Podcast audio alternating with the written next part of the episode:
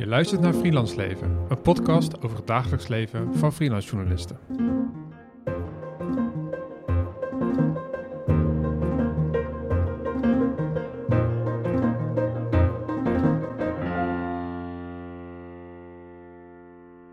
Leuk dat je luistert naar een nieuwe aflevering van Freelance Leven.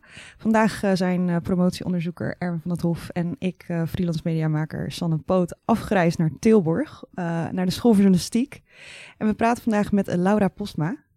Leuk dat je bent. Dankjewel. Je bent PhD-onderzoeker en als docent betrokken bij de school voor journalistiek hier. Kan je iets meer vertellen over jouw achtergrond? Uh, ja, ik, uh, ik ben net pas begonnen met mijn PhD, dus ik ben nog niet zo heel erg ver, maar uh, inderdaad druk bezig. En hier ben ik op de school journalistiek in Tilburg, docent Journalism Studies. En de, dus daar leer ik meer over de achtergronden, de analytische achtergrond van de journalistiek. Dus dan een beetje het, ook de ethische kant van de journalistiek.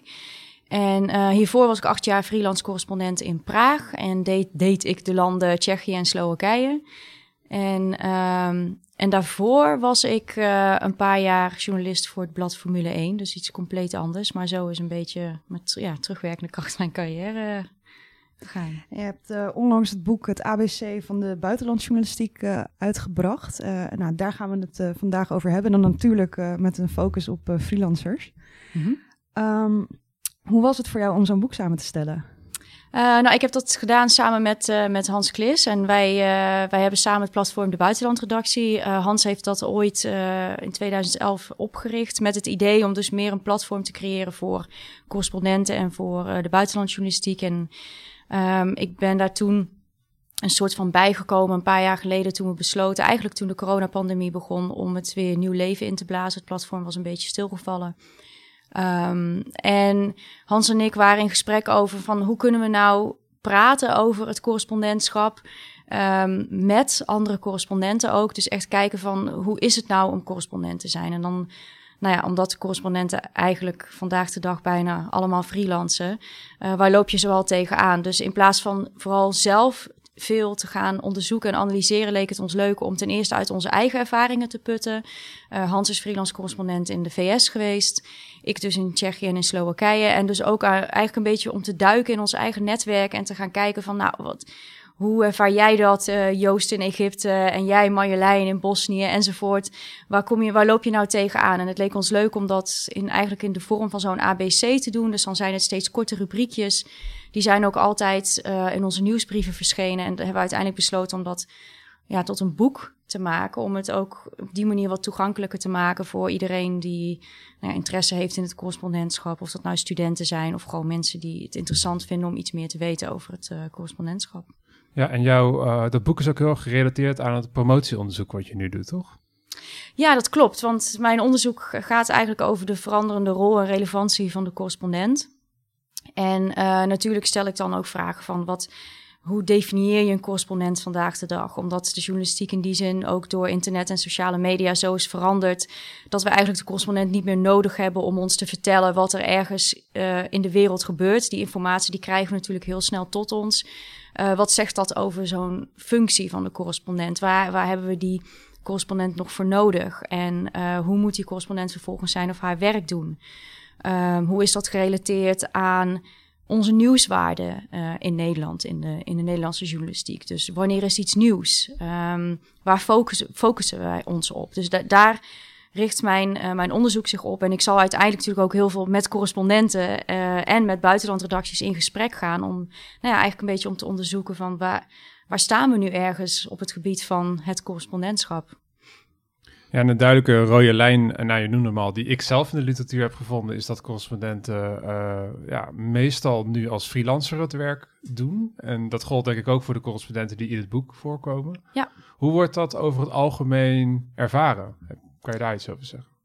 Ja, ik, ik krijg de indruk dat het eigenlijk misschien bijna wel als vanzelfsprekend wordt gezien. Dat zelfs als je voor één opdrachtgever werkt als correspondent, of dat nou één krant is of, of wat voor medium dan ook.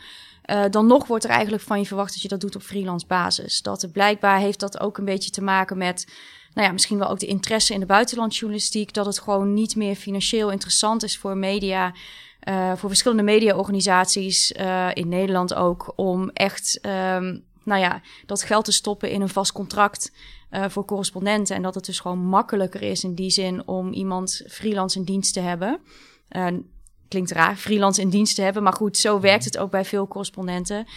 Um, tegelijkertijd zie je ook dat dat misschien ook een beetje meer de deuren opent voor de avonturiers die denken: ik ga gewoon ergens naartoe.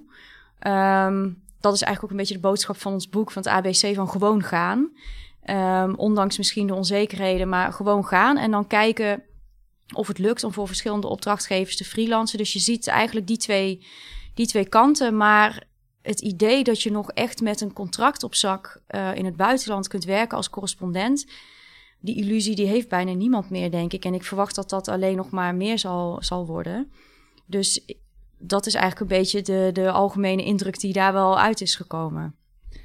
Ja, ik was um, toevallig in de trein een uh, artikel aan het lezen dat ging over uh, coping strategies van freelance journalisten. Het ging niet specifiek over correspondenten. En die coping strategies waren bijvoorbeeld het combineren van commercieel werk en journalistiek werk, met commercieel werk meer betaald. Uh, zorgen dat je je kosten laag houdt. Dat was een, een van de duidelijke strategieën. Zorgen voor een vangnet. Uh, bijvoorbeeld om een partner te hebben die, die wel een, een fulltime aanstelling ergens heeft. Um, als ik dat zo noem, coping strategies. En als jij bijvoorbeeld kijkt naar jouw eigen bestaan als correspondent een aantal jaar geleden. Hoe pak je dat dan aan? Voor een luisteraar die denkt van oké, hoe zou ik dat dan in het dagelijks leven zo? Ja, nou eigenlijk alles wat je noemt kun je zo toepassen op, uh, op freelance in het buitenland. Ja. Um, bijvoorbeeld mijn reden om uh, toen in die tijd naar Praag te vertrekken, om daar te gaan freelancen als correspondent. Was 2013. Okay. Uh, was eigenlijk het idee van: ik heb nog geen kinderen, ik heb nog geen hypotheek, dus ik kan nog gaan. Want in dat opzicht houdt niets me tegen en heb ik ook nog niet de verplichtingen en kan ik, kan ik zo'n risico nog wel nemen. Dus, dus dat, dat risico-idee zit er wel in, want je weet gewoon niet of het wel of niet gaat lukken.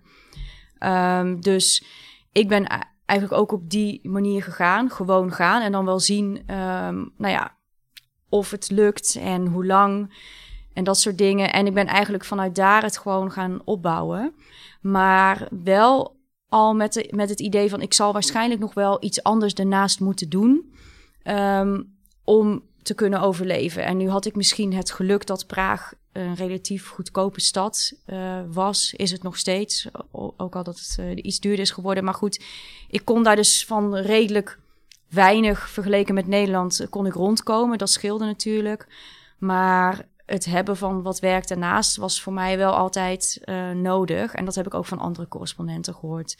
Die daarnaast bijvoorbeeld nog uh, ja, commercieel werk doen. Of um, gids zijn in de stad waar ze wonen. Dus allemaal dat soort dingetjes.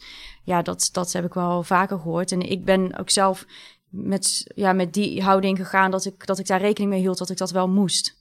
Had je een vangnet ook uh, al van tevoren geregeld? Ik had een buffer opgebouwd, een financiële buffer, dat ik het idee had van dan kan ik in ieder geval die eerste maanden wel doorkomen. Ik had natuurlijk ook een beetje berekend van nou wat ben ik straks ongeveer kwijt aan huur, wat, wat zijn een beetje de, de leefkosten in Tsjechië. En op die manier kon ik inschatten van nou met, met deze financiële buffer gaat het in ieder geval die eerste paar maanden wel lukken. En probeer ik het vanuit daar op te bouwen. Dus uh, ik heb het op die manier geprobeerd uh, voor te bereiden. Uh, wat betreft het, het opbouwen van een netwerk, dat heb ik pas echt daar ter plekke gedaan. Dus ik weet dat ook sommige correspondenten al eerder zich hadden voorbereid door al in Nederland te polsen van hè, kan, ik, kan ik vanuit dit land of vanuit deze regio mijn verhalen kwijt? wat zijn de potentiële opdrachtgevers? Misschien al een keer op reis en weer terug om te kijken, lukt het me om verhalen te verkopen. Dus er zijn verschillende strategieën die je kunt aanpakken. En ik denk dat het ook een beetje ligt aan um, ja, misschien ook waar je naartoe gaat. Uh, die tweede strategie die ik net noemde, die, die kreeg ik te horen van Joost Bastmeijer, is correspondent in Afrikaanse landen. Nou ja, misschien was het daar gewoon logischer om eerst eventjes te gaan kijken en je voor te bereiden. Misschien was het voor mij in die zin wat makkelijker om naar Praag te gaan, in die zin op de Bonnefoy, iets dichterbij dat, uh, dat ik koos voor het gewoon gaan en dan wel zien uh, ja. hoe het, uh, hoe het wat Was jouw, wat was jouw, ben ik wel benieuwd naar, je intrinsieke motivatie om, om naar Praag te gaan? Um, nou, ik ben zelf half Slovaaks. Mm. Dus mhm. mijn moeder die, die, die, was Slovaaks. En dus ik, ik ben ook tweetalig opgevoed. Ehm, dus ik sprak, spreek vloeiend Slovaaks. En uh, dus, dus in die regio, Tsjechië is natuurlijk wel, het, het, is een ander land en heeft ook een andere taal, maar de talen lijken heel erg op elkaar. Ik vond in die zin Praag een interessantere keuze, omdat uh, Praag een wat grotere stad is dan Bratislava, de hoofdstad van Slowakije. Ligt ook centraler. Dus uh, koos ik ervoor om naar Praag te gaan, maar me dan wel ook op Tsjechië en op Slowakije te richten. Ik dacht in het begin nog heel ambitieus van nou doe Polen en Hongarije en zo er ook nog wel bij. Maar ik kwam er dus achter dat dat kan niet. Ik kan niet expert zijn in, op zoveel verschillende landen. Dus ik heb me in die zin wel gespecialiseerd. Ik denk dat dat in mijn voordeel heeft gewerkt. Uh, maar daar kwam het dus vandaan met het idee van nou, ik, ik heb in ieder geval een voorsprong wat betreft de taal omdat ik al Slovaaks sprak, had ik Tsjechisch ook redelijk snel te pakken. Ik moest wel eventjes natuurlijk wennen in het begin om ook echt wel de taal goed te kunnen begrijpen en te kunnen spreken. Maar dat, dat ging vrij snel. En, um, en in die zin liggen de, omdat het is ook ooit één land geweest, Tsjechoslowakije. Dus, dus er is heel veel geschiedenis, maar ik had in die zin ook een, een binding met met die regio. En ik kon er tegelijkertijd ook met een Nederlandse oog naar kijken. Dus dat was heel interessant voor mij om eigenlijk een beetje in het midden te staan en op die manier ook uh, journalistiek werk te kunnen doen. Nou worden er, uh, is het, de omtitel van het boek is uh, eh, 26 kijkjes en inzicht in het dagelijks leven van de correspondent. enorm veel ervaringen staan natuurlijk in het boek. Ja. Zag je grote verschillen? Tussen hoe het dagelijks leven is ingericht van correspondenten? Nee, gek genoeg juist niet. En dat is wel leuk om te zien dat ook al of nou iemand in Egypte zit of in uh, Buenos Aires of in, uh, in Kenia, wat dan ook. Je ziet dat eigenlijk heel veel dingen toch wel een beetje op hetzelfde neerkomen. Het, het eindeloos pitchen bij redacties, het continu wachten op een reactie, nabellen, namailen. Um, iedereen die zijn eigen land het, het, belangrijkste land vindt en dus meer verhalen kwijt wil, maar er steeds ja, te weinig interesse is in die zin. Dus ik vond het juist interessant om te zien dat het bijna niet uitmaakt waar je zit, maar dat je toch als freelancer, als correspondent tegen heel veel dezelfde dingen aanloopt. En, en dat dat ons misschien dan wel verbindt ook in die zin. Dus natuurlijk zijn er praktische dingetjes als, nou ja, Um, dat het leven misschien in, in Egypte wel echt wat anders is dan nou ja, in Buenos Aires bijvoorbeeld. Maar uiteindelijk moet je toch allemaal je verhalen kwijt. En, uh, en sta je in contact meestal met media in Nederland. Dus dat, dat zorgt er wel voor dat je toch vaak ook met dezelfde dingen te maken krijgt.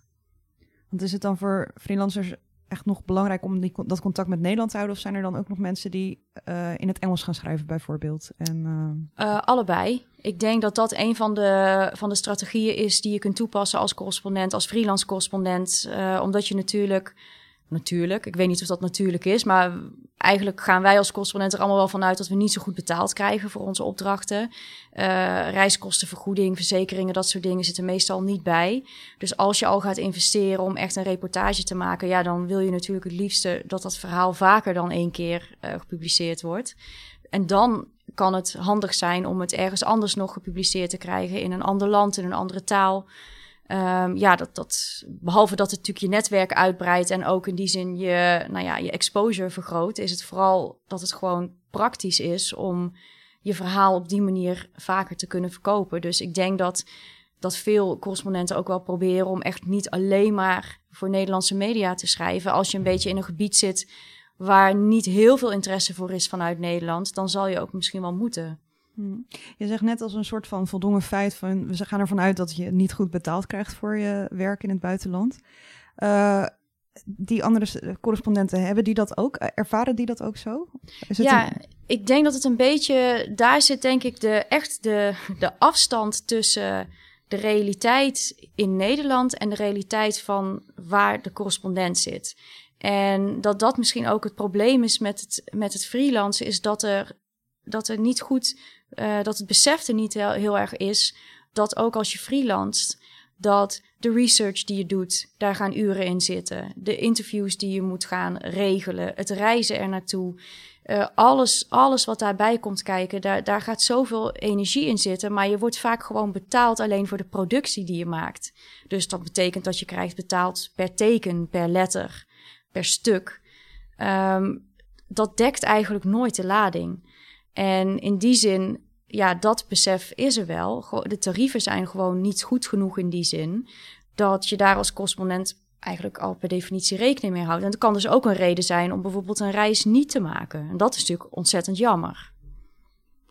Als je nou, uh, want het, het correspondentschap is enorm veranderd, uh, in de, zeker in de afgelopen twintig jaar. Uh, ik heb ook al nog correspondenten gesproken in mijn vorige podcast, in de PEG-podcast, Hans-Jaap Melissen bijvoorbeeld. Mhm. Die is een hele tijd in dienst geweest en, en dan kon hij eigenlijk vrij vrij zijn verhalen maken. Dus hij hoefde nooit te denken van, krijg ik wel betaald? verhalen konden ook mislukken. Ja. Um, jij bent docent op een school voor journalistiek. Is het bij de nieuwe lichting journalisten al doorgedrongen dat dit de situatie is? Of denken ze nog vaak dat ze in dienst kunnen en dan uh, correspondent kunnen zijn? Hoe, hoe, nou, kom, ja, hoe komt ik, dit verhaal over? Op, ja, uh, ik, ik heb dit gesprek heel vaak met studenten. Dus studenten weten dat ik uh, correspondent ben geweest. Dus als ze die ambitie hebben of in ieder geval over nadenken of interesse hebben in het buitenland, dan komen ze vaak bij mij terecht. En dan merk ik wel, maar dat merk ik trouwens over het algemeen, dus niet alleen gericht op het buitenland, dat, dat er nog steeds wel een angst voor het freelancen is. Dat het besef er wel is dat als studenten later de journalistiek ingaan, of dat nou in het buitenland is of niet, dat de kans heel groot is dat ze moeten gaan freelancen. En dat vinden ze echt wel heel erg spannend. Um, want hoe zit dat dan? Kun je dan nog wel rondkomen? Hoe zit het met die onzekerheid? En ik merk dat ik probeer in die gesprekken altijd aan te geven van ja, vooral als je naar het buitenland gaat, hou er maar rekening mee dat je gaat freelancen. Um, en, maar dat hoeft ook niet eng te zijn. Dat kan ook uitdagend zijn. Want ik wil gewoon voorkomen dat ik een negatief verhaal ga houden. Uh, terwijl ik aan de ene kant vind dat er dus eigenlijk um, nou ja, beter in die zin gezorgd moet worden voor freelancers in het buitenland. Dat daar gewoon betere tarieven um, moeten zijn. Meer aandacht voor alle kosten daaromheen die erbij komen kijken, die ik net noemde. Onder andere verzekeringen, reiskosten, vergoedingen, dat soort dingen. Um, wil ik toch ook vooral de boodschap meegeven aan, aan de studenten uh, die naar het buitenland willen. Ga vooral, want het is ook belangrijk dat je gaat. Ik vind het leuk als studenten bij mij komen en zeggen van ik wil naar Finland of ik wil naar Japan of naar Colombia. Dan denk ik ja, wat leuk. Dat zijn landen, hoor je niet vaak. Ga er vooral naartoe en, zet het op de kaart of, of probeer het maar gewoon. En neem dan mee dat, dat er ook onzekerheden bij komen kijken, maar laat dat geen reden zijn om dan niet te gaan. Ja, als studenten bang zijn om te gaan freelancen, dan wil ik ze ook even verzekeren. Ondanks al mijn gezeur af en toe in deze podcast, het is ook best leuk hoor. Precies. Ja, en dat probeer ik ook altijd mee te geven. Inderdaad. Maar het is ook wel echt een realiteit. Uh, ja. De kans is gewoon echt heel klein dat je een vast contract gaat vinden ergens. Uh... Ja, maar dat, dat merk ik dus dat, dat het nu speelt bij studenten of ze nou net zijn begonnen. Hè, de eerste jaar is het vers van de middelbare school meestal. En nu kennis maken met de wereld van de journalistiek. Of studenten die al het tweede, derde jaar zitten en al iets hebben meegekregen en denken, maar wacht eens even, hoe zit dat dan met dat freelancen? En dat ik ook één studenten had die had gesproken met een correspondent, omdat ze meer wilde weten over buitenlandsjournalistiek. En dat ze zei van ja, ik, ik heb nog steeds eigenlijk, ik zou zo graag naar het buitenland willen, maar ik weet niet of ik dat wel durf. En dan zeg ik van, dat vind ik zo jammer. En dan probeer ik een beetje, nou ja, wat, wat ik ooit dus als argument had van, nu kan het nog, nu kun je het nog proberen, wat houd je tegen? Uh, probeer ik toch een beetje dat wel te stimuleren van, laat het geen belemmering zijn. Ja, wat, uh, wat uh, Sjoerd Arends en ik voor de Nieuwe Journalist het boek hebben geprobeerd te doen, is het vooral te concretiseren. Zo van, oké, jij wil een bepaald soort journalistiek gaan maken kijk dan hoe de politieke economie van freelance werk van dat specifieke hm. stukje journalistiek, we hebben het nu over correspondentschap in het buitenland, hoe ziet dat eruit? Wat zijn de mogelijkheden? Hoe pakken ja. anderen het aan? Ga gewoon met andere correspondenten praten. Maak de situatie zo concreet mogelijk, want anders wordt het een groot gapend gat wat, ja. wat heel eng is. En het tweede element, en, en daarom vroeg ik ook naar die intrinsieke motivatie bij jou, is wie ben jij zelf? Waarom wil je zelf dit doen? Ja. Um, en als je dit zelf wil doen omdat je echt iets voelt bij het onderwerp, is natuurlijk iets heel anders dan wanneer je eigenlijk meekrijgt dat het gewoon gaaf is of, of de beste vorm van journalistiek is om doorvochte verhalen te gaan maken in het buitenland. Ja. Dat is natuurlijk een hele ja, soort collectieve aanname. Ja. Dus ik denk dat het altijd goed is om het heel persoonlijk te. Ja, en het is natuurlijk wel interessant om te zien dat aan de ene kant uh, dat, dat die klassieke definitie van de correspondent, die, die is min of meer verdwenen. Maar het, het is nog steeds een prestigieuze baan. Um, in die zin. Uh, als je vooral kijkt naar de grote media, dus de NOS, RTL, de grote kranten, dat, dan zijn de correspondenten nog echt wel de prominente journalisten binnen, binnen zo'n mediaorganisatie. Um, maar ja, dus die klassieke um, definitie van zo'n correspondent is aan de andere kant ook verdwenen. Dus als je een beetje kijkt naar stereotypen, hè, dus noem ik het dan de, de, witte man van middelbare leeftijd die al twintig jaar uh, plus ervaring heeft in de journalistiek en die mag nu op een mooie standplaats ergens uh, verhalen maken. En, uh, maar is vooral cocktails aan het drinken op de ambassade. Ik, ik zeg het nu even heel stereotyperend. Maar goed, dat is wel een beetje wat die air die om het correspondentschap heen hing. En dat is nu behoorlijk verdwenen. Maar dat prestigieuze aspect hangt er nog wel aan. En um, alleen ik denk ook dat, omdat het nu moeilijker is geworden om echt een, nou ja, een, een goede financiële positie te bemachtigen als correspondent, dat het daarmee ook nog steeds een beetje weggelegd is voor, nou ja, nou laat ik het zo zeggen, niet voor iedereen weggelegd is. Wie kan het zich financieel permitteren om een risico te nemen om naar het buitenland te gaan, bijvoorbeeld? Ja, ik vind dat wel interessant, want voor mijn onderzoek um, uh, gebruik ik veel Bourdieu. Uh, en die gaat ervan uit, even heel kort, die gaat ervan uit dat, dat uh, de, de journalistiek bijvoorbeeld een soort veld is. En daarin heb je dingen als economisch kapitaal en journalistiek kapitaal en sociaal kapitaal, wie je kent. En wat je hier heel duidelijk hoort, en dat hoor ik ook wel vaker, is dat bepaalde genres van journalistiek, zoals dus buitenlandsjournalistiek en onderzoeksjournalistiek, die krijgen enorm veel journalistiek kapitaal. Dus onderling uh, geven journalisten daar veel prestige aan en uh, mm -hmm. motiveren elkaar ook van, nou, je bent goed bezig, want je doet de meest prestigieuze journalistiek binnen ja. ons veld. Um, je kan het er heel veel over hebben. Er is natuurlijk een beetje een valse hiërarchie die daardoor wordt gecreëerd. Maar de valkuil is dan inderdaad als de institutionele werkelijkheid die we nu hebben, dat niet meer ondersteunt door economisch kapitaal te bieden, dan ja, dan kan het ook zijn dat mensen uh, bepaald soort journalistiek blijven maken omdat ze denken van nou, dat is goed, dat is wat Precies. van mij verlangd wordt, hmm. maar tegelijkertijd in een enorme precaire situatie zitten waarin ze zichzelf ook schuldig voelen, ja. omdat er nog een paar nou, supersterren dan zijn uh, die overal worden uitgenodigd om praatjes te houden, die zeggen van ja, wat ik doe is natuurlijk de belangrijkste vorm van journalistiek. Precies. En ik vind ja. dat wel een, iets wat ik ja wat, wat, wat echt aangekaart zou moeten worden. Ja, het is fascinerend als je nu ook kijkt, hè, die, uh, die correspondentendagen die worden georganiseerd door de NOS. Ik zag dat NSC dat nu ook deed. Um, hè, daarmee geef je er ook een bepaalde air aan, aan het mm. correspondentschap. Van kijk, we roepen al onze correspondenten terug en, en we organiseren zo'n avond in het theater. Dat is natuurlijk hartstikke leuk. Maar dat, dat, dat draagt ook bij aan dat idee van... Mythificeren van Precies. het uh, ja. correspondentschap. Ja, ja en, en het wat ik dan zo'n probleem vind, is dat, dat je daarmee eigenlijk ook de indruk wekt. Hè? De correspondent is de expert. De correspondent weet alles. Maar dat is gewoon niet altijd zo. Dat kan bijvoorbeeld alleen al niet, omdat de meeste correspondenten verantwoordelijk zijn voor zo'n enorme regio. Dat dat in de praktijk dus gewoon ook niet haalbaar is. En dat ligt niet aan de correspondent natuurlijk. Maar, uh, maar er wordt wel zo'n indruk gewekt. En dat vind ik dan altijd wel, wel lastig. En dan denk ik ook van ja, je maakt één correspondent verantwoordelijk voor een half continent of voor een heel continent. Um, je, je wekt de indruk hè, dat, dat die persoon een expert is, maar eigenlijk is het gewoon niet eerlijk. Dat je misschien ook om financiële reden natuurlijk zoveel landen, zeg ik het even, aan zo'n correspondent geeft. En dan verwacht dat het allemaal maar even kan. Dat, zo werkt dat gewoon niet in de praktijk. Maar er wordt daardoor wel iets opgehouden, een soort beeld uh, opgehouden, wat misschien gewoon niet helemaal klopt. Hoe zou je dat anders willen zien? Zou je dat anders willen zien? Nou, ik denk ten eerste meer transparantie um, over hè, hoe, je, hoe je als mediaorganisatie eigenlijk werkt met je correspondenten. Dus eigenlijk misschien ten eerste ook een duidelijke definitie van wat het dan betekent om correspondent te zijn. En dat kan dus heel goed dat eh, elke mediaorganisatie daar een beetje anders naar kijkt, maar wees daar dan transparant over. En uh, vervolgens ook misschien meer transparantie over samenwerken met lokale journalisten, met fixers. Want dat gebeurt natuurlijk nu ook heel veel. En dat kan ook niet anders. Je kan anders je werk als correspondent vaak niet doen. Vooral niet als je veel landen tegelijk moet doen. Dat je, dat je moet samenwerken met fixers.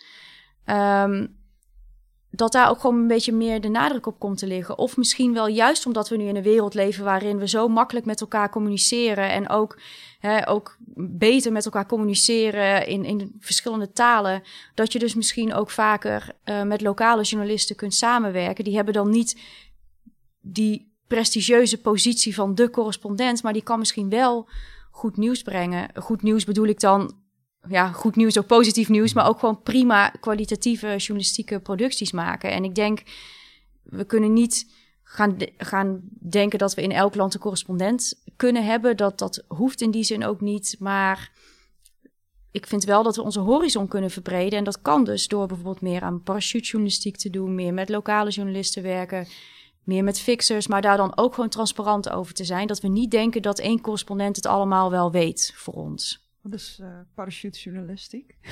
dat is eigenlijk het uitzenden van een. Eigenlijk wat nu bijvoorbeeld uh, de NOS doet in Oekraïne. Dat ze verschillende verslaggevers tijdelijk naar Oekraïne sturen. Kisha Hekster bijvoorbeeld, Sander van Hoorn, Arjan, uh, Arjan van der Horst. Dat ze die voor een bepaalde tijd naar Oekraïne sturen, daar reportages laten maken en dan gaan ze weer terug. Dat is eigenlijk een beetje het parachutejournalistiek. En ik denk dat dat best wel kan als je bijvoorbeeld een bepaalde specialisatie of expertise hebt. Mhm. Of dat nou oorlogsverslaggeving is of je, je spreekt de taal van een bepaald land. Dat je op die manier prima uitgezonden kunt worden voor een week of hoe lang dan ook naar een bepaald land. En daar je verslaggeving kunt doen en weer terugkomt. Ja. Ik vind het wel, wel, wel interessant dat, dat het, het, het model van, van uh, correspondentschap doet me een beetje denken aan de Indiana, Jones films. Want dan heb je, heb je een, hè, een, een prestigieuze professor en die, die neemt de kijker eigenlijk mee naar allerlei exotische locaties van kijk. Maar dan kunnen we tenminste nog een beetje herkennen, want, want er is iemand die op ons lijkt, hè, op de, de, de, witte man, ja. uh, om het maar even zo te zeggen. En ja, dat, dat, dat maakt ook een soort van exotisch wezen soms van mensen die in het buitenland wonen. Ja. En dan zou je ook kunnen afvragen van hoe goed doe je dan echt verslag van de nuances uh, van een bepaalde uh, samenleving. Maar ik denk dat daar ook heel erg de uitdaging ligt voor een freelance correspondent. Juist omdat je uh, natuurlijk, je, je wil gewoon je verhalen verkopen. Um, dus ga je ook in die zin tot op zekere hoogte mee met wat er dan verwacht wordt aan verhalen uit het land waar je bent. Um, en dat is natuurlijk best wel tricky, want als je echt goed uh, gestationeerd bent en je, je weet wat er speelt in, in het land en, en, en je kunt de nuances ook aanduiden, maar tegelijkertijd uh, wordt er vanuit Nederland verwacht van ja, maar uh, als het over, over Tsjechië of Slowakije gaat, dan, dan, dan zal wel iets met communisme te maken hebben of dat het Oostblok, hè, dat zoals er naar het oostelijke deel van Europa wordt gekeken. Uh, wat ik heel vaak had als ik dan iets pitchte over Tsjechië of Slowakije, dat meteen de vergelijking werd getrokken met Polen en Hongarije, alsof alle politieke systemen hetzelfde zouden zijn. En aan de ene kant wil je daar niet in meegaan met, om bepaalde stereotypes te bevestigen, of laat ik zeggen, een beperkt beeld te geven van het land waar je bent. Maar tegelijkertijd, als je weet dat dat wel verkoopt, ja, dan ben je misschien wel geneigd om dat te doen. Want uiteindelijk wil je toch je verhalen kwijt. En ik denk dat daar heel veel correspondenten mee worstelen met hoe ver wil je gaan in het. In stand houden misschien Precies. van een uh, stereotype. Ja, want het is, je hebt te maken met een redactie in Nederland. Um, en daar moet, daar moet een belletje gaan rinkelen. Want anders dan krijg je de vraag: waarom moeten we dit verhaal publiceren? Waarom is dit interessant voor de Nederlandse lezer? Dat is natuurlijk eigenlijk standaard wat je krijgt. Hè, wat, eh, vaak wordt er ook nog gevraagd naar wat is de Nederlandse link, maar vooral waarom moet de Nederlandse lezer, kijker dit weten? Ja, en als je dan iets kunt aangeven wat meteen een belletje doet rinkelen van, oh ja, oh ja, inderdaad, dat, dat, dat hoort bij dat land, ja, dan is de kans groter dat je het uh, verkoopt. Ja, dat doet me ook denken aan een, uh, zo'n conceptje van Bourdieu, de nomos, binnen een bepaald veld. En, en dat betekent dat degene die het meeste economische kapitaal hebben of uit te delen hebben, eigenlijk bepalen wat goede journalistiek hm. is. En dat zijn natuurlijk de opdrachtgevers die in Nederland zitten. Precies. Het doet me ook wel een beetje denken aan iets wat Hans-Jaap Melissen toen zei, um, toen ik een podcast met hem opnam. Hij zei, omdat ik al heel lang meeloop en heel veel dus sociaal kapitaal heb, heel veel mensen ken, kan ik eigenlijk beter mensen overtuigen van het belang van mijn verhaal. Dus het is heel belangrijk om een goede band te hebben met uh, ja, de mensen in Nederland aan wie je je verhaal verkoopt. Ja. Hoe zou je dat aanpakken als er nu een, een student of een freelancer luistert die net begint? Die heeft het sociaal kapitaal natuurlijk nog niet, mhm. hè, want Hans-Jaap heeft een hele lange carrière als buitenlands correspondent. Uh, jij liep ook op een gegeven moment een aantal jaar rond, dus dan heb je ook gewoon wat makkelijkere lijntjes. Hoe begin je daarmee? Nou ja, ik moest in die zin wel van nul, of laat ik zeggen praktisch nul beginnen toen ik naar Tsjechië ging, omdat ik daarvoor sportjournalistiek had gedaan en mijn netwerk lag voornamelijk daar. Dus ik moest ook heel veel dingen opnieuw opbouwen, ondanks het feit dat ik al wel een paar jaar meeliep in de journalistiek. Maar ik had natuurlijk wel wat contacten, dus ik probeer het ook bij, uh, bij journalistiekstudenten altijd aan te geven. Het is, het is een beetje gewoon een sneeuwbal-effect. Je moet altijd ergens beginnen. Um, en als het echt helemaal nul is, dan begin je gewoon bij algemene e-mailadressen en telefoonnummers van redacties. Um, en dat, dat is gewoon je startpunt. En als je dan eenmaal één e-mailadres te pakken hebt van een bepaalde redacteur die belangrijk is bij een buitenlandkatern of bij een programma, wat dan ook. Dan is dat weer bij de volgende keer je eerste aanspreekpunt. En hopelijk word je dan weer doorverwezen naar iemand. Um, en zo gaat het balletje een beetje rollen. Dus het is echt ja, een beetje een soort van web wat zich hopelijk wel langzaam maar zeker gaat uh, uitbreiden. Maar ja, je zal vooral in het begin echt ontzettend veel moeten mailen en bellen. En, um, en ook accepteren dat als niemand je nog kent, dat, het dan, dat er misschien wel vaker nee wordt gezegd. Maar uiteindelijk ga je toch wel uiteindelijk een publicatie krijgen, als het goed is. En dat is dan meteen weer je startpunt voor de volgende keer. Dus ja, in die zin probeer ik altijd uit te leggen van laat je vooral niet uh, afschrikken door het begin. En ik zeg ook altijd, zelfs al heb je al jaren ervaring, dan nog moet je smeken bij redacties en bellen en mailen en, en continu weer je verhaal verkopen. Dus het is ook niet zo dat als je eenmaal al een, mooie, een mooi netwerk hebt opgebouwd en veel ervaring hebt, dat het per definitie makkelijk is om dan uh, je pitch erdoor te krijgen. Dan kan het alsnog gebeuren dat het er niet doorkomt. Um, dus geduld is één ding. En gewoon erop vertrouwen dat het, ja, het begint vaak bij één contact en op die manier ga je verder. En ik zeg ook altijd, ook omdat ik dat uit eigen ervaring uh, zeg, werk sowieso nooit gratis. Want dat wordt natuurlijk vaak ook gebruikt in de journalistiek en ook zeker in het buitenland. Ja? Ja, ja, dat, nou ja, we hebben geen budget, maar we kunnen je wel een podium bieden. En dat is zo verleidelijk, want dan denk je, ja, dan, hè, dan, dan is mijn naam in ieder geval eruit. Dan weet in ieder geval iemand dat ik hier zit. Dus ik, ik ben daar ook in getrapt, zeg ik het dan maar.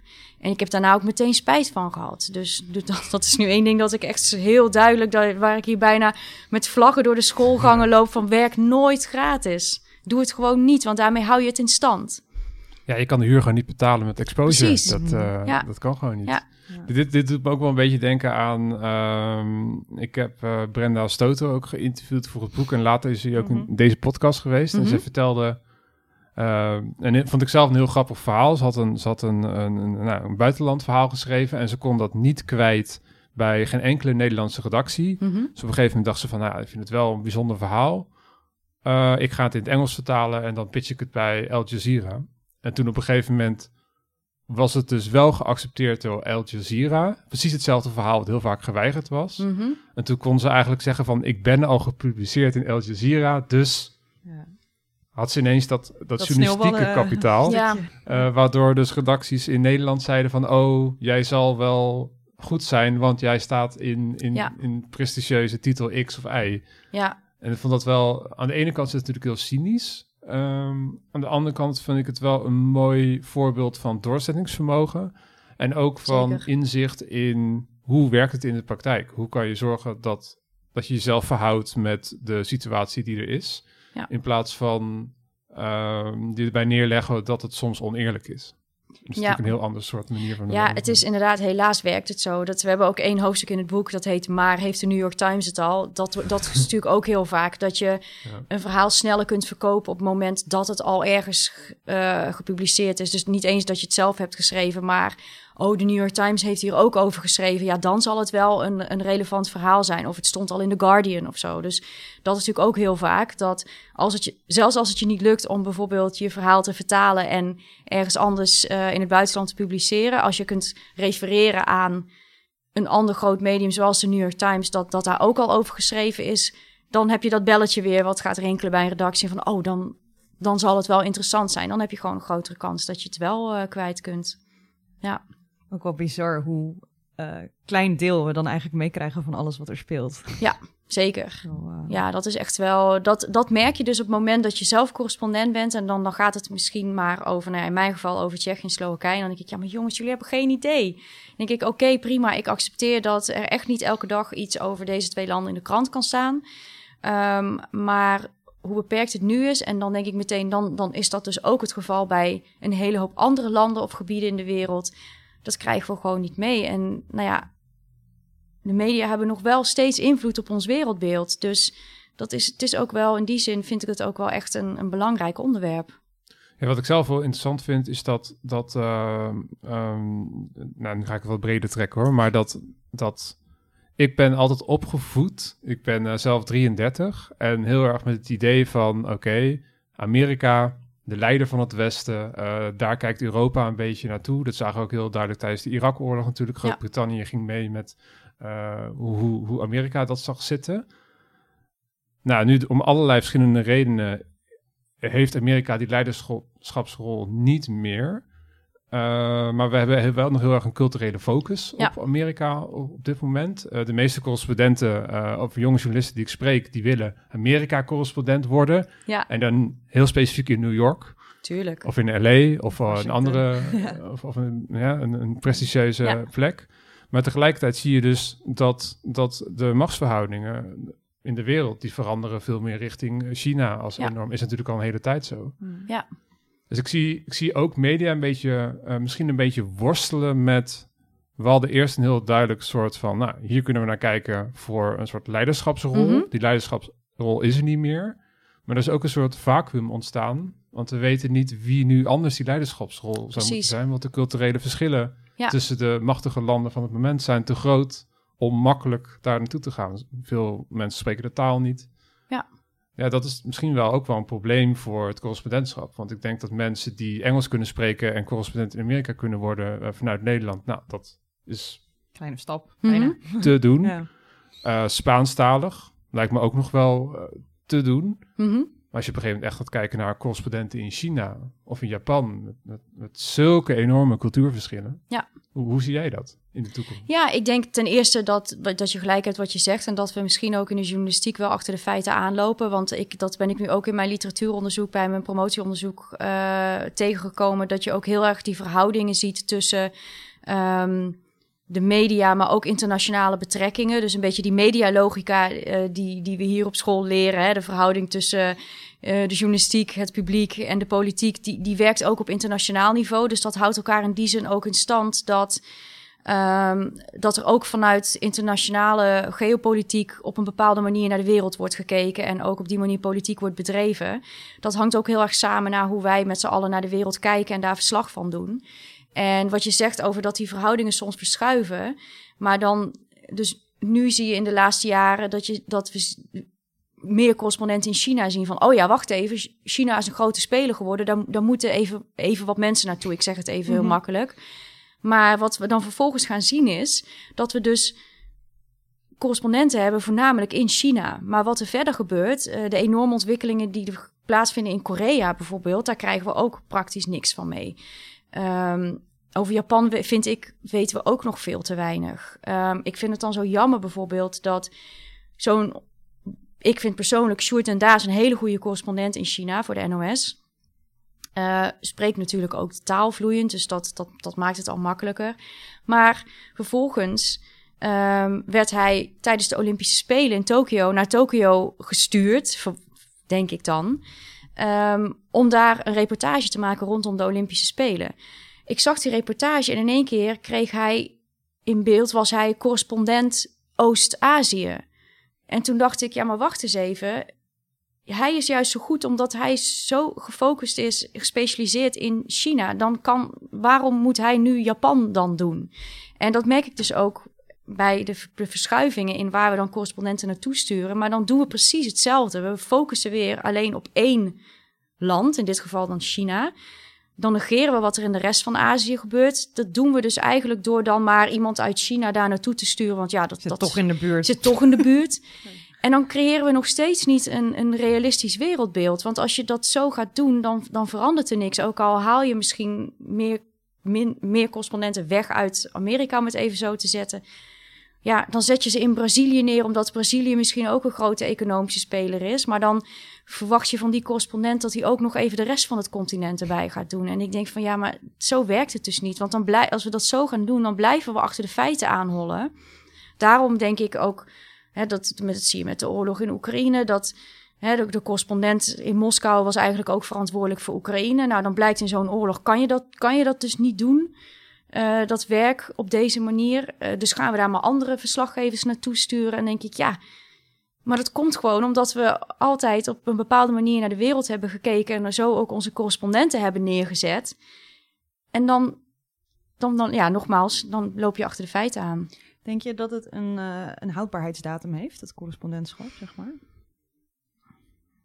Ja, goede vraag. Ik zou het natuurlijk wel spannend vinden om, om in mijn promotieonderzoek uiteindelijk tot de conclusie te komen van nou, correspondenten hebben we niet meer nodig. Ik verwacht niet dat dat uiteindelijk zo zal zijn. Maar ik denk wel dat, ja, wat ik al zei, de definitie van wat een correspondent is, dat, dat is nu een beetje rommelig. Dat er nog steeds, uh, dat er nog steeds wordt gedacht, hè, de correspondent brengt, is, is de expert in dat land, in die regio.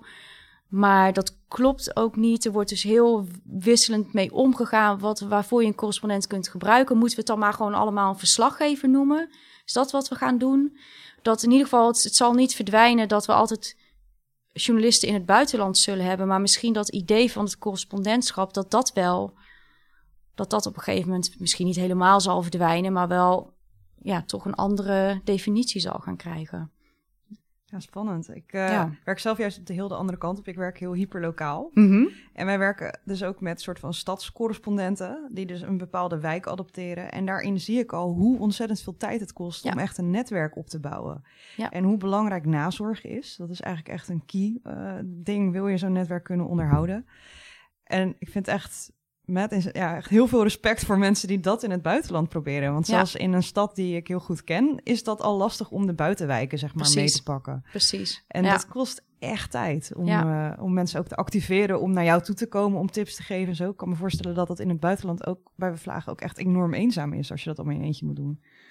Ja, ja en nee. Aan de andere kant, juist door al die expertise op te bouwen, moet je ook heel erg um, ja, hoe cliché het ook klinkt, in de samenleving staan. Dus ik heb er ook echt wel bewust voor gekozen om uh, niet een beetje de Nederlandse expertgroep op te zoeken in Tsjechië, maar vooral ook veel ja, lokale contacten te maken. Dat kon ik ook doen omdat ik de taal spreek. Dus natuurlijk maakt dat het makkelijker. Maar door continu met mensen in gesprek te zijn, hè, door met z'n biertje te gaan drinken, wat je in Tsjechië natuurlijk vaak doet, uh, ga je, ga je gesprekken voeren en kom je erachter, hè, iemand maakt zich daar druk om, dan ga je nadenken, oh, dat is interessant. Ben jij de enige die zich daar druk om maakt of speelt dat in het algemeen binnen jouw leeftijdsgroep of binnen de stad of wat dan ook? En op die manier is het ook wel leuk omdat je een beetje gedwongen wordt om echt mee te doen in de samenleving, om te kunnen ontdekken van wat speelt er dan eigenlijk.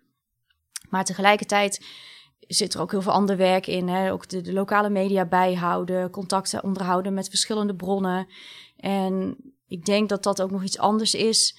Um, om nog terug te komen op nou ja, bijvoorbeeld het niet goed betalen van freelance correspondenten. Dat ook vaak wordt onderschat dat de expertise die je hebt, dat is werk, dat doe je. Dus als je even snel wordt opgebeld, dan kan je mij even snel vertellen wat er hier en hier aan de hand is het feit dat ik jou al een half uur van mijn tijd geef om jou te vertellen hoe een bepaalde situatie in elkaar zit in Tsjechië, dat, dan wil ik daar ook voor betaald worden. Want die expertise heb ik opgebouwd door daar te zijn. En dat wordt ook. Nou, ik kan niet eens opnoemen hoe vaak dat is gebeurd. En dat, dat, dat dan zo verbaasd wordt gereageerd van: oh, maar ik bel je toch alleen even om informatie in te winnen. Dan denk ik, ja, maar dit is toch mijn werk? Dat, ja. en dat heb ik ook van andere collega-correspondenten gehoord, dat dat gebeurt gewoon heel vaak. consultancy-tarief zou je eigenlijk moeten hebben. Ja. Want ja, een consultant bij de gemeente die krijgt ook betaald. Ja, het is toch een beetje alsof je aan een schilder vraagt... hey, maak even een schilderij. Ja. Terwijl die 30 jaar bezig is geweest Precies. om zijn... Ja, zijn toets te verfijnen. Ja. Ja. ja. en ik heb dat echt wel meegemaakt... met ook gewoon grote gerespecteerde mediaorganisaties. Maar dan, ja, dan kan het net ook gewoon aan een redacteur liggen... die dat niet helemaal snapt. Die redacteur krijgt ook een opdracht om te gaan researchen. Dus dus ook weer onderdeel van de research van zo'n redacteur... Oké, ik moet informatie inwinnen om dit ja. verhaal te kunnen maken. Ik vraag, nou in dit geval Laura even. Mm -hmm. Maar dat, dat dat zo werkt, ja. Ja, heel opvallend dat, dat journalisten dan bronnen worden voor andere journalisten. Dat... Ja, oh ja, dat... dat gebeurt zo en dan vaak. heb je ook ja. nog eens fixers, die, die, die hangen daar helemaal onder. Ja, die krijgen dan wel betaald. eh, Ja. Maar die hangen dan helemaal onder zonder bylines. En uh, daar is ook interessante literatuur over, natuurlijk. Ja. En wat ik me afvroeg, hè, ge- gezien dit, dit, deze dynamiek die er vaak bestaat tussen mediabedrijven. Ook eh, dit, dit, dit boek is het onderdeel natuurlijk van een hoop correspondenten die elkaar kennen, Mhm. respecteren, met elkaar praten. Eh, je zei al dat er gemeenschappelijke noemers waren Mhm. in al die gesprekken. Mhm. Is er wel eens geprobeerd om dan met z'n allen ook het gesprek aan te gaan met bijvoorbeeld een, een groot mediabedrijf? Zo van, kijk, dit is de situatie waar we allemaal in zitten. Wij hebben een soort gemeenschappelijke noemer van redenen waarom wij ons werk misschien emotioneel zwaar is. Mhm. Of, of eh, dat, dat de kwaliteit van onze verhalen minder goed is dan we zouden willen. Is dat Ja. wel eens geprobeerd om zo collectief het gesprek aan te gaan? Ik denk het niet dat eh, gekeken naar echt alle freelance correspondenten, of in ieder geval een hele grote groep samen. Ik denk dat het dan toch, als het gebeurd is, dan was het misschien, ondanks is er volgens mij ook een, eh, een eh, petitie of een open brief naar Trouw gestuurd, omdat da om daar de tarieven omhoog te krijgen. Daar hebben ook veel correspondenten eh, aan bijgedragen in die zin. Dus zoiets zie je dan weer wel. Maar ja, nou ja, eh, correct me if I'm wrong, maar volgens mij is er ook niet echt een, een soort van aparte ehm, ehm, vereniging of zo voor correspondenten. Bijvoorbeeld misschien binnen de NVJ, dat, dat weet ik eerlijk gezegd niet. Maar waarin we, waarin we ons dan ook verenigd zouden kunnen voelen om zo'n punt te kunnen maken. Want het, het, het freelance aan zich, daar wordt natuurlijk wel veel aandacht aan gegeven, maar dat is dan meer in een brede zin. Ja. Maar er zijn wel degelijk verschillen tussen nou ja, freelance in het buitenland en dan ook nog eens waar in het buitenland. Ja, als je freelance in conflictgebieden, dan komen daar weer hele andere zaken bij kijken. Veiligheid. Uh, dan is een verzekering ineens veel belangrijker dan misschien in een ander land. Dus ja, daar zitten ook zoveel verschillen dat het misschien ook lastig is, omdat waarschijnlijk ook correspondenten misschien net het ene belang iets iets hoger stellen dan, dan iemand anders. Maar het zou niet verkeerd zijn hoor. Want wat ik al zei, omdat we dus achterkomen dat we eigenlijk zoveel tegen dezelfde dingen aanlopen, zou het geen slecht idee zijn om dat eens gewoon ja, collectief uh, op de kaart te zetten. Ja, want als ik, als ik dit soort verhalen altijd hoor, denk ik altijd twee dingen zijn belangrijk. Eén is denk ik dat die woordtarieven de prullenbak ingaan en dat het uurtarieven worden, ja, die absoluut. je in alle redelijkheid kan bespreken. Ja. En twee is denk ik het gevoel dat opdrachtgevers je respecteren en serieus nemen. Want je hoort toch wel vaak terug. En dat kan ook gewoon liggen aan de drukte in de Nederlandse redactie. Uh, redacties zijn ook gewoon drukke plekken met, met de 24-7 nieuwsgrind die daar gaande is. Maar je hoort toch wel vaak inderdaad ook terug, nu ook weer van correspondenten, dat ze een verhaal hebben en dan weken moeten wachten op een, redactie, uh, op Ja. een reactie van een redactie.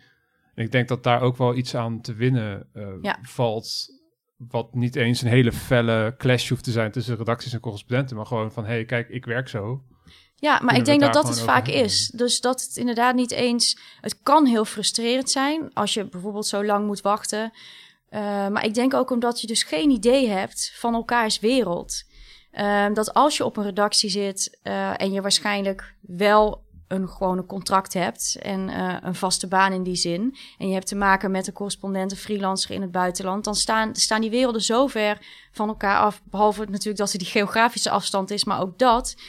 Um, dan wordt het heel lastig soms communiceren, omdat hij anders niet kan begrijpen. Hè? Dan denk ik van, maar die, die redacteur in, in, in Hilversum of in Amsterdam, die snapt niet uh, hoe ik hier te werk ga en wat ik hier allemaal moet doen om dit verhaal te kunnen maken. En misschien andersom, die redacteur, ja, die krijgt uh, 30 mails per dag van verschillende freelancers. Ja, die moet ook kiezen mm -hmm. op basis van wat, welke criteria enzovoort. Dus ja, er, het is ook vaak heel moeilijk. Je kunt wel af en toe naar Nederland komen en eens bij zo'n redactie op bezoek gaan. Of als je contact hebt met één specifieke redacteur, even koffie gaan drinken. Dat helpt altijd. Maar dan nog wordt het lastig om die twee werelden echt samen te brengen. Ja, ja. Ja, mooi. Ik, ja, tenminste, niet mooi, maar hopelijk zitten er tools in die uh, uh, ja, voor mensen die ambiëren om te gaan freelancen ja. uh, ook echt van pas kunnen komen. Even voor mezelf. Je hebt nu natuurlijk ben je onderzoek aan het doen, mm -hmm. je bent aan het doseren. Zou je ooit weer overwegen om te gaan freelancen in het buitenland? Jawel, ik denk, en daarom uh, wat ik net al zei, dat ik ook probeer om het verhaal voor studenten, als ze naar vragen, dan ben ik wel eerlijk in de dingen waar ze tegenaan kunnen lopen. Maar ik probeer er vooral een positief verhaal van te maken, omdat het voor mij ook ja, een enorm positieve ervaring is geweest, dat freelancen. De vrijheid die je hebt, de keuzes die je kan maken, die, ja, die, wat mij betreft weegt dat veel meer op tegen de, de uitdagingen en de, en de frustraties die je waarschijnlijk altijd wel hebt, waar je ook werkt en onder welke omstandigheden dan ook. Dus uh, ja, natuurlijk, ik sta daar echt wel voor open. En ik denk dat dat in die zin ook misschien wel zelfs mijn voorkeur uh, heeft. Om op zo'n manier te werken, dat, dat, dat avontuur, ja, dat, dat blijft toch altijd wel, wel lonken in die zin. Dus ja, ik, echt, ik, ik, ik wilde gewoon een positief, positieve draai aangeven, ook voor studenten. Ja, en tenslotte, als, een, als je iets zou willen meegeven aan een freelancer die nu luistert, wat zou je dan willen meegeven? Nou, ik heb een hele wijze les geleerd van, um, van een Franse auteur. Misschien kennen jullie hem wel, Laurent Binet. Hij heeft het boek HHHH geschreven. Dat, uh, um, ik heb hem leren kennen doordat ik fixerswerk deed voor een VPRO-documentaire... naar aanleiding van het boek in, uh, in Tsjechië. En um, in een gesprek met hem vertelde hij mij... je moet als freelancer nooit een tarief accepteren... dat dat onder het hoogste tarief is wat je ooit hebt gekregen. Dus hij zei het maar niet uit met, met wie je onderhandelt. Maar als je op een gegeven moment een bepaald tarief hebt gekregen, bijvoorbeeld een uurtarief, en je gaat in het vervolg weer onderhandelen met dan wel diezelfde opdrachtgever of een nieuwe, ga dan nooit meer onder dat bedrag zitten. Op die manier kan je, ga, kan je klimmen, inderdaad. En hij had het zelf extreem meegemaakt doordat hij ooit een heel erg hoog bedrag had gekregen voor, ik weet niet meer wat voor reportage. Maar vervolgens zei hij, heb ik dat gewoon aangehouden. En daar schrokken nieuwe opdrachtgevers van. Maar als ik aangaf van ja, maar dit heb ik hier betaald gekregen, dan gingen ze daar toch vaak in mee. En nou, dat, dat is voor mij, sindsdien heb ik altijd zo gewerkt als freelancer. Nou, hele mooie concrete afsluiter. Bedankt. Bedankt. Graag gedaan. Freelance leven wordt mede mogelijk gemaakt door het Lira-fonds ReproRecht. Mijn promotieonderzoek, dat ten grondslag ligt aan deze podcast, wordt mogelijk gemaakt door Stichting Democratie en Media en het Stimuleringsfonds voor de Journalistiek. Wij zijn er volgende maand weer met een nieuwe aflevering. Tot dan!